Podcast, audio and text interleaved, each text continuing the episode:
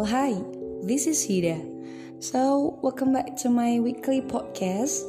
And today's talk is going to be about a video coming from Goalcast by its title Escaping North Korea in Search of Freedom at Only 13 by Yeonmi Park. This video's length is 7 minutes and 27 seconds and it's definitely telling about a 13 years old girl whose name is Yeonmi Park. She was escaping from North Korea with her mother through ups and downs, challenging to go further, to look for any human rights, to look for any democracy, and etc. They went to the China by climbing the mountain, then crossing a frozen river, and they arrived in the border of China. But then, right there, they were sold by a man who knew that they are not from the China itself. Her mother was sold for about $65. Meanwhile, Yeonmi Park was sold for over $200. Then, um, while they were in the China, they met a Christian missionaries who is kind and helped them to go to the border of China to fly to the South Korea. Then they live for a while in South Korea while feeling so shocked because there are lots of differences between the North Korea and also the South Korea.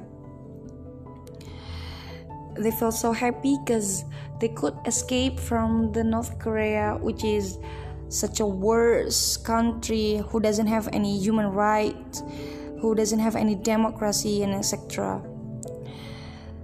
Then, um, right now, they're happy person who lives in USA. The Yeonmi Park, the one who is only 13 years old long time ago, is right now 24 years old. She's in Columbia University, and her mother is happy ever after with them, with the Yeonmi Park. I mean, so yeah they are right now as a freedom person. Thank you. I'm Hidayatul Hanjaria. Thank you for listening.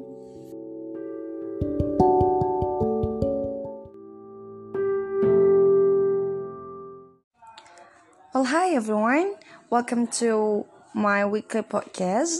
And today's audio is going to be about a video coming from The Parenting Junkie by the title how to set the boundaries with a family to get a loving limit. So, the length of this video is 5 minutes and 2 seconds. Then, it tells a lot about how to set the boundaries with the family. So, because many of the family's dynamic often get so harmful to the children and therefore setting boundaries is such a necessary. This video is definitely telling about how to set the boundaries so that we can be comfortable attending to the family gathering. Then to set the boundaries, this video tells it by giving a boundary sandwich. Means that we can set the loving limit respectfully and peacefully by saying yes, no, yes method. Let me give you the example. So, together in a, a gathering family, usually we found out someone who give a direct words, direct sentence, and direct topic, something like that. But then, um, to get a loving limit, we can set it by saying the yes first. Like, you know how much the kids love playing with you? Then we continue by made a clear and firm, undeniable no. Then we say, We will not be coming to your house. And then another of the yes from the sandwich boundary is by saying something um, positive and connected. Like, you are such a adorable and playful auntie, and the kids just adore you. But I can't let you pull them into your lap or your hug when they are choosing not to. What they like is playing a chess, but making any comments about her body, her looks is completely countable productive and really out of the questions. But she loves to talk about the chess, badminton, or any other sport. So we combine between yes, no, yes method. Thank you very much. I am Hidayatul Hanjariah, thus I say. Cheerio! Well, hi everyone. Welcome to my weekly podcast. And today's audio is going to be about a video coming from The Parenting Junkie by the title How to Set the Boundaries with a Family to Get a Loving Limit.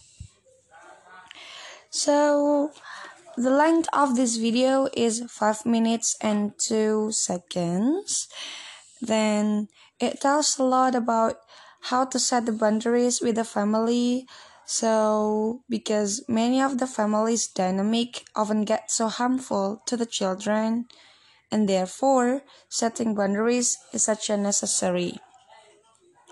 This video is definitely telling about how to set the boundaries so that we can be comfortable attending to the family gathering. Then, to set the boundaries, this video tells it by giving a boundary sandwich means that we can set the loving limit respectfully and peacefully by saying yes, no, yes method. Let me give you the example. So, together in a, a gathering family, usually we found out someone who give a direct words, direct sentence, and direct topic, something like that. But then, um, to get a loving limit, we can set it by saying the yes first. Like, you know how much the kids love playing with you?